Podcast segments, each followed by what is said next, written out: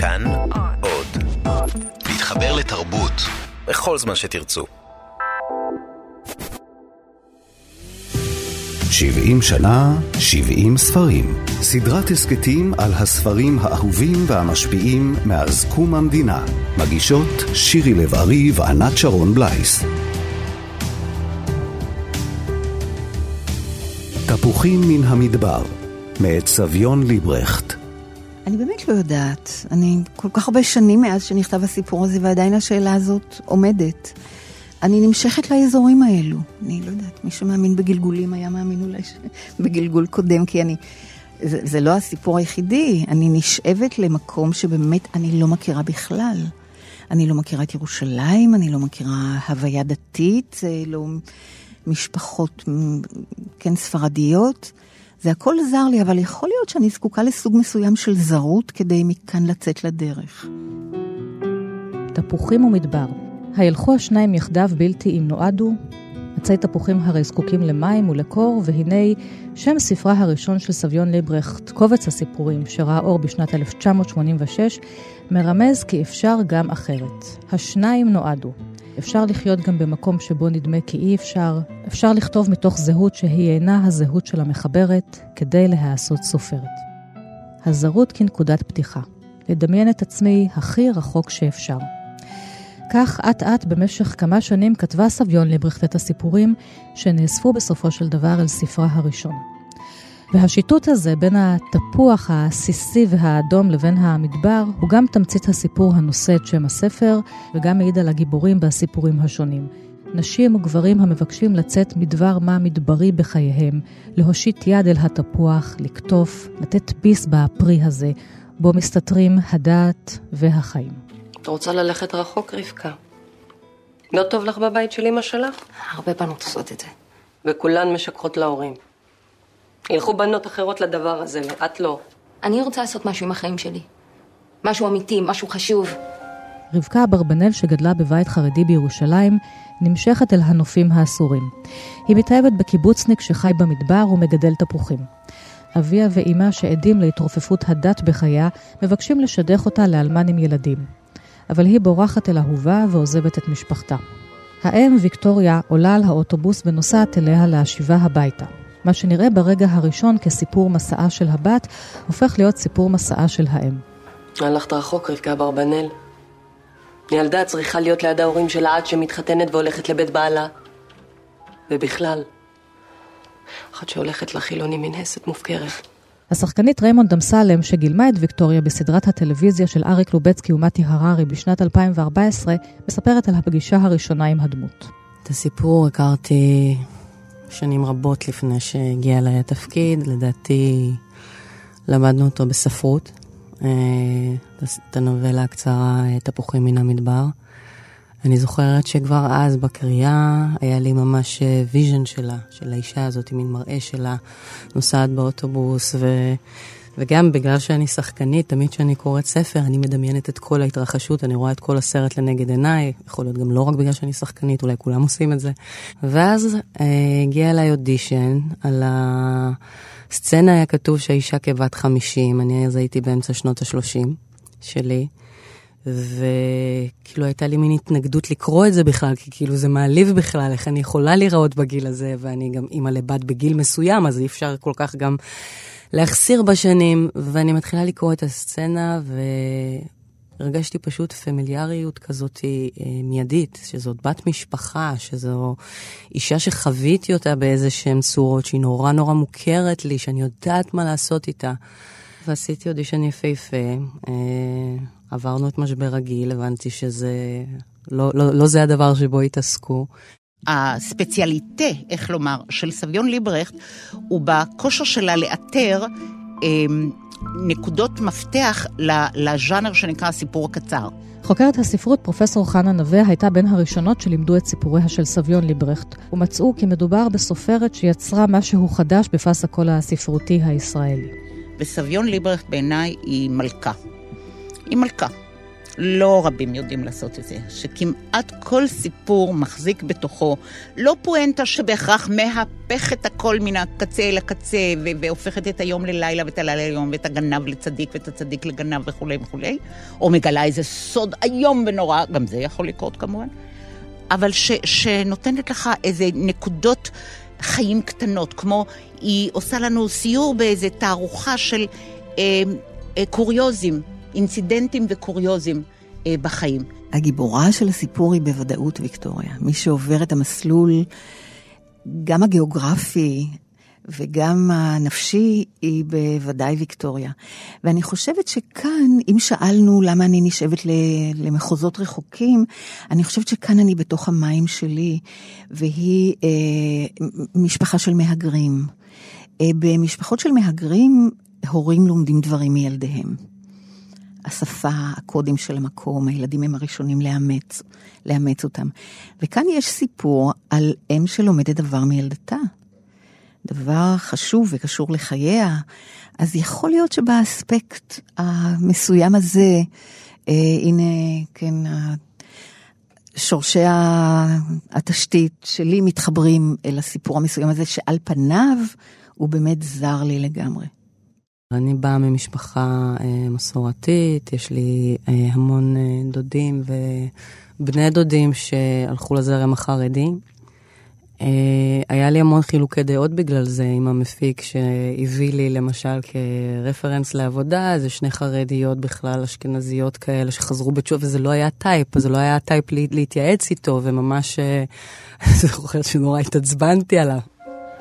אבא שלך חשב, אולי כדאי נמצא לך שידוך. שאלתי על האלמן. יש לו ילדים. יש בלי עין הרע. מבוגר. אלמן, מה יהיה ילד? בקושי 35. מצא לי איש בן 40 עם ילדים. רואים איש טוב. מהבית לעבודה, מהעבודה לבית. זה מה שאני שווה אצלך? תזמיני את לסעודת שבת כדי שתדעי. אמא, למה נשתפת את הפעולה נגדי? וגם יש בין, בוויקטוריה גם מין קצת ילדותיות כזאת, שאולי דווקא הפער קצת עזר לי לזכור, כאילו... יש בה, למרות שהיא נורא כלואה, היא נורא חופשייה. זאת אומרת, זו אישה שהניגוד מאוד אה, מאוד מאוד גדול. למראית עין היא נראית חלשה, אבל היא, אני מעולם לא הרגשתי שהיא ככה שהצלחתי לצלול לתוכה. היא נראית uh, מפוחדת, היא נראית זה, אבל, אבל היא לא. אני חושבת שזאת אישה שעשתה בחירות מאוד מסוימות, והיא משלמת עליהן מחיר, והיא משלמת את המחיר באהבה. היא בחרה להיות בת זוג של מישהו שהוא פגום. ולאהוב אותו אף על פי שהוא פגום, אף על פי שהוא כזה קשה, אף על פי שהוא...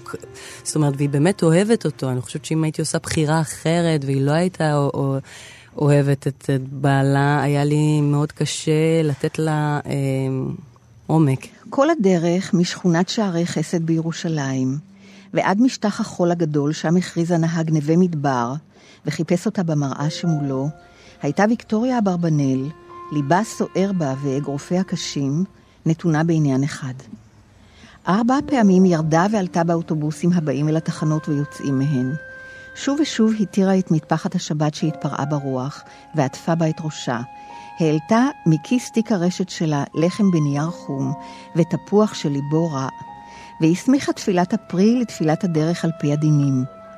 כל העת רגזה כשניגפו בה שכניה הנוסעים, ועיניה בנוף ההולך ומצהיב ומשתטח מול עיניה, וליבה ברבקה, בתה הסוררת, שקמה לפני חצי שנה, ועזבה את השכונה, והלכה לגור בקיבוץ של חילוניים. ועכשיו נתגלה לה מפי אחותה שרה, כי בחדר אחד היא עושה עם בחור, ישנה במיטתו ונוהגת עמו כאשתו. שמונה שעות שעשתה בדרכים, הפכה במוחה איך תנהג כשתבוא עם בתה פנים אל פנים. אפשר תדבר על ליבה במתינות. תשיח עמה כאילו אין בליבה עליה. תאיר עיניה בדבר כבוד עלמה בעיני איש. תבאר כאישה לאישה בענייני צניעות. אפשר תפתח בזעקות שבר, תספר בצעקה על צערה, על חרפת עולם שתביא על משפחתה מהאצילה. תרים קולה כאחת המקוננות עד שיבואו השכנים וישמעו. אפשר תעשה שליחותה בעורמה. תמשוך את בתה משם בבשורת תרמית, תשים אותה בחדרה תחת מנעול, ותתעתע עקבותיה. אפשר תוליך לליבה בלהה. תספר על פלורה, בת יוסף אלאלוף, שהלכה שבי אחרי בחור ונתנה לו בתוליה, והוא זנחה עד שנשתבשה עליה דעתה, והייתה משוטטת ברחובות ומושכת לילדים קטנים באוזניהם. בכביש היוצא מבאר שבע נתגלתה בפניה דרך חדשה. תתנפל על הבחור בציפורניה, תקרע אורו מעליו ותנקר עיניו, על שכך עשה לבד זקוניה.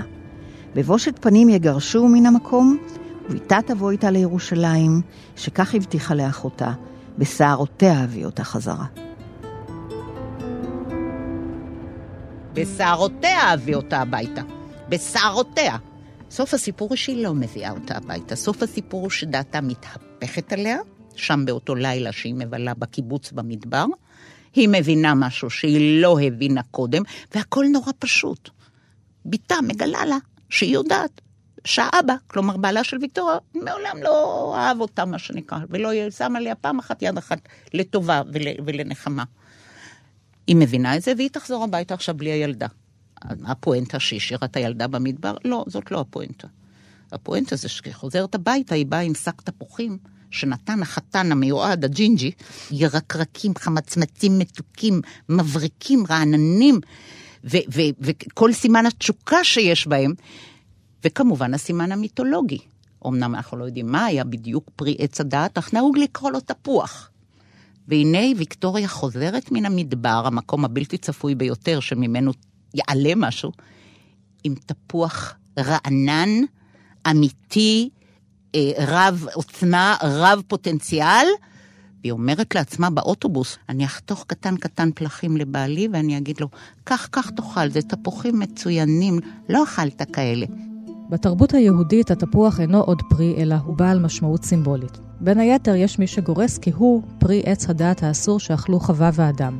משמעות זו נשזרת גם בסיפור תפוחים מן המדבר, ומהדהדת גם בסיפורים האחרים בקובץ. עד האירוע שהבת שלה בעצם אה, הולכת מהבית וחיה בקיבוץ ובעצם מתנתקת מהם, ויקטוריה עבדה בלגונן על בעלה, זאת אומרת, לשמור את הנפש הפצועה שלו מיתמות, מעוני, אה, לכל דבר היא מצאה צידוקים, גם לתחייה שלו, של אחותה. זה כבר הפך, אתה יודע, מין כזה שבשגרה, אני אזמין את אחותי, אני לא אזמין את אחותי. זאת אומרת, יש לה יכולת באמת להכיל כאילו את כל החולשות של כולם. ומהרגע שהבת שלה יצאה החוצה והיא פתאום נותרת לבדה, וכאילו היא, היא מבינה שהיא מאבדת את הדבר היחיד אה, שיש לה, היא בעצם מגנה על הבת שלה. זאת אומרת, היא ממש עושה היפוך תפקיד והיא הופכת באמת ללוויה. ומחליטה לתת אישור לעולם שהבת שלה בחרה.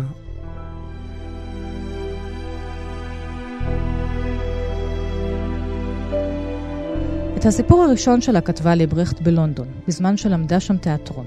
מאוחר יותר היא עבדה עליו בסדנת הכתיבה עם הסופרת עמליה כהנא כרמון, עד שהגיעה אל הספר הזה. כאן הוא נקרא מעבר לשדות הסרפדים, והוא נכתב בלונדון בהשראת חוויה שעברתי. עבדתי כלומר, לימדתי עברית ילד שאימו ניהלה בית אבות, שהיו בו שישה אה, אה, דיירים. אני באתי ללמד את הילד. אה, אני הייתי מורה מאוד לא יצירתית. הוא היה ילד, אני חושבת שהיום היו מגדירים אותו כלקוי למידה. השידוך לא עלה יפה, והשיעורים פסקו אחרי מספר ספור של, של שיעורים, אבל נשארתי בקשר עם האימא שהייתה כלואה במקום הזה, היא ניהלה את המקום, והיא מילאה אותי רעל נגד הזקנים, היא, היא ממש שנאה אותם. ואני כדור שני, שלא מכירה חוויה של היכרות לא עם סבא וסבתא ולא עם סבים וסבתות של חברותיי, זה היה המפגש הראשון שלי עם שישה זקנים יחד. הייתי פשוט יושבת ומסתכלת עליהם. אה, והיו לנו שיחות הזויות לגמרי, לזקנים ולי, ו...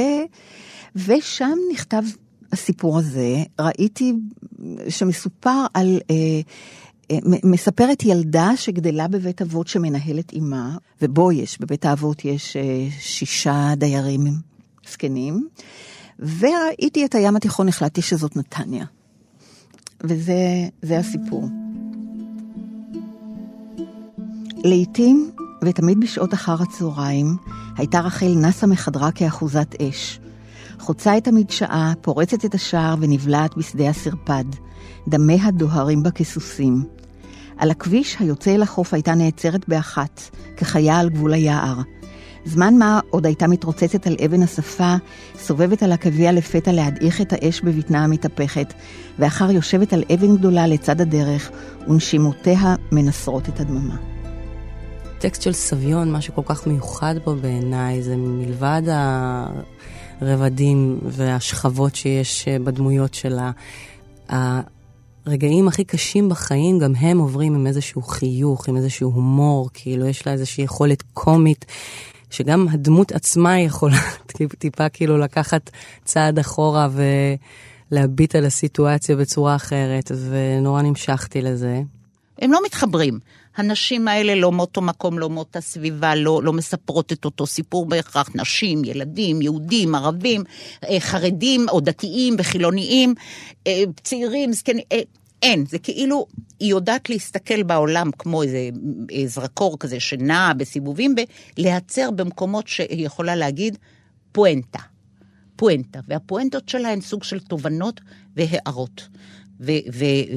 ולמשל, אני אתן אה, דוגמה, אה, בסיפור שנקרא אה, על קו המעגל, תדמיינו לכם, בחורה שבחור עזב אותה, אני מה זה מקצרת, כן? בחורה, בחור עזב אותה, נקמה, נקמה, נקמה, אז הבחורה הזו שהבחור עזב אותה, ושנים, הלכה לדרכה, נהייתה רופאה מומחית, איזה נוירולוגית, משהו שמטפלת באיזה מחלות יוצאות אופן של ילדים, ויום אחד הוא מגיע אליה עם הבת שלו שהיא חולה אנושות, והיא יודעת לזהות את המחלה, והיא היחידה שיודעת לטפל בה. עכשיו, הנטפל בילדתו, או לא נטפל בילדתו? ואם נטפל, מה יהיה המחיר? מה נגבה ממנו? וואו, זה, זה סיפור נקמה. בין שהיא תעשה ובין שהיא לא תעשה. ובואי נניח שהיא לא תעשה כדי שנוכל לישון בשקט בלילה. אבל וואלה, איזה נחת. נחת מזה של הבחור שפגע בך, קרתה צרה כזאת והיא נופלת על השולחן שלך. וואו. סיפור נוסף בקובץ, חדר על הגג, עוסק ביחסי יהודים וערבים, תוך שהוא מתכתב עם מסתה החשובה של וירג'יניה וולף, חדר משלך.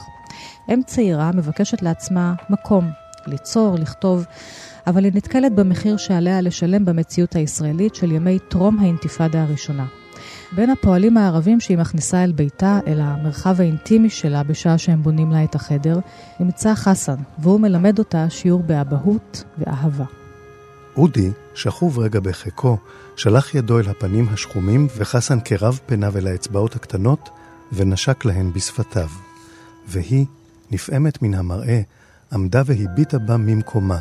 הרעד שהוליך בה הפחד, הולך ודועך בתוכה, ורטט אחר, חדש, קם בה, מול הדבר אשר כבר בהתרחשו, אתה מתגעגע אליו כממרחקים, יודע כי כאשר יחלוף, לא ישוב כמוהו עוד. וכמתפצלות הלכו מחשבותיה אל יואל, שעיניו הנתונות בבנו, בוחנות את תנועותיו בקפידה, ומאז שנולד, לא אימץ אותו אל גופו, ותמיד נשא אותו במרחק מה, נזהר שלא יתקמטו בגדיו ולא ידבק בו ריח החיתולים. חסן הרים אליה את מבטו ואמר, לחסן יש ככה בבית בעזה. יש לך תינוק? נדהמה, אתה נשוי? יש גם ככה, ארבע שנים, אמר בגאווה, והציב כף ידו מקבילה לרצפה לאמוד גובה ילדו.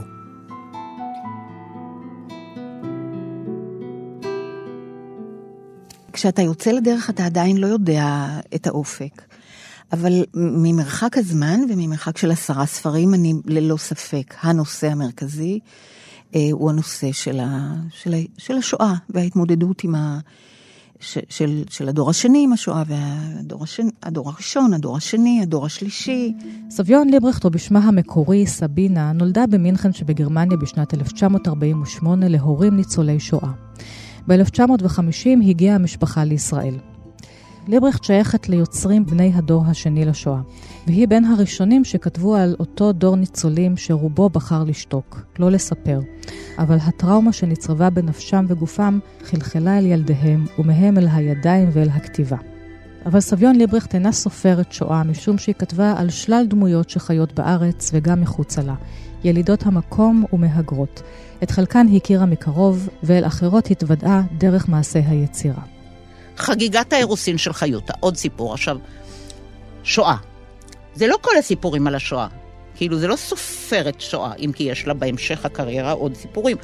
אבל פה זה מופיע כך לבד, ושוב היא תפסה איזה קטע כזה של הזקן, שכבר נהיה מטרד במשפחה, אימא לספר כל הזמן מה היה ומה היה, וכולם כבר, יש בסיפור דור שני, דור שלישי, והנה כבר מביאים אותו לחתונה של הנכדה, אז הוא מת כשהראש שלו צונח לתוך, אם אני לא טועה, עוגת הקצפת של החתונה. אז זה על גבול הקומדיה. זה כבר על גבול הקומדיה. זה צער, אך, אך לא צער, זה כל כך מצחיק כמעט, נכון? אז זה יכול היה להיות בחמישייה הקאמרית מין דבר כזה. אבל אתה כותב לא מכיוון שזה נושא חשוב, או נושא ש... אלא זה הדבר שמציף אותך באותו רגע, זה הדבר שאתה...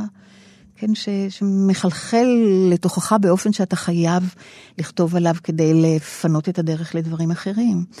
אז, אה, אבל, אבל ממרחק הזמן אני רואה סיפורי השואה, ללא ספק, הם הקו הכי... אה, הכי עמיד מכל, ה, מכל הנושאים האחרים, וגם בסיפורים שאין בהם, אפילו בתפוחים מן המדבר, שהוא לא סיפור שואה בשום צורה, יש שם קטע שבו הגיבורה ויקטוריה הולכת עם הבחור מהקיבוץ בדרך, והיא שואלת אותו איזה מין שם זה דובי.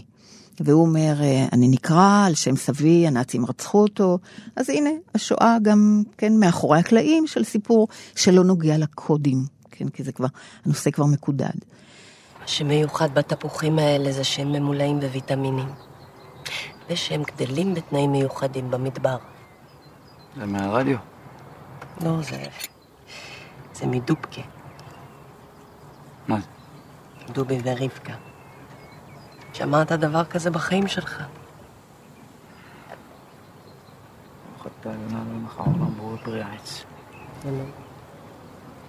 אני לא הייתי מסוגלת לכתוב כך היום. אה, אני לא יודעת, אני, אני חושבת שגם הסיפורים האחרים הם לא ברוח הנוף המילולי הזה, שהוא ירושלמי ועגנוני ומתאים אולי לסיפור המסוים הזה, אבל אה, אני לא רואה את עצמי כותבת כך שוב.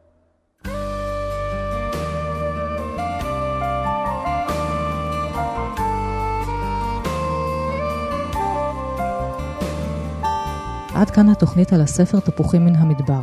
תודה לאמוץ פרידמן על קטעי הקריאה, באולפן ענת שרון בלייס, תודה לכם ולהתראות. אני שומעת, אני רואה את הכל, אני יודעת, נפשי יודעת לסבול, בי אהבתי, ולא נטרתי טינה לך, חיכיתי. שוב לשמוע את קולך, וכשתגיע עייף מן המדבר, אהוב נפשי, לך אתן ולא ארפה אהבתי.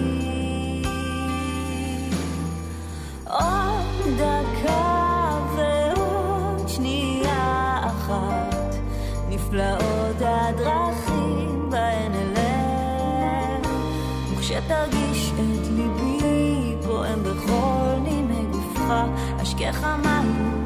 וארבה צמאונך.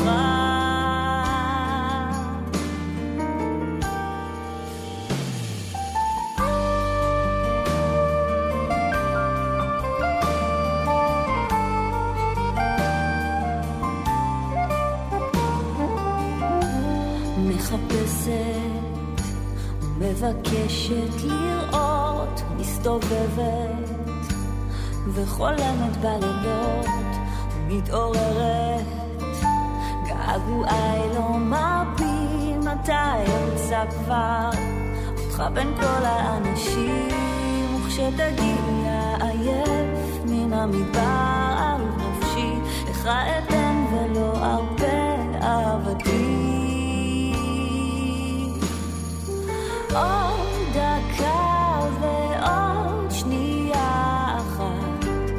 נפלאות הדרכים בהן אלך, וכשתרגיש את ליבי פועם בכל נימי גופך, אשכך מים וערבי צמאונך.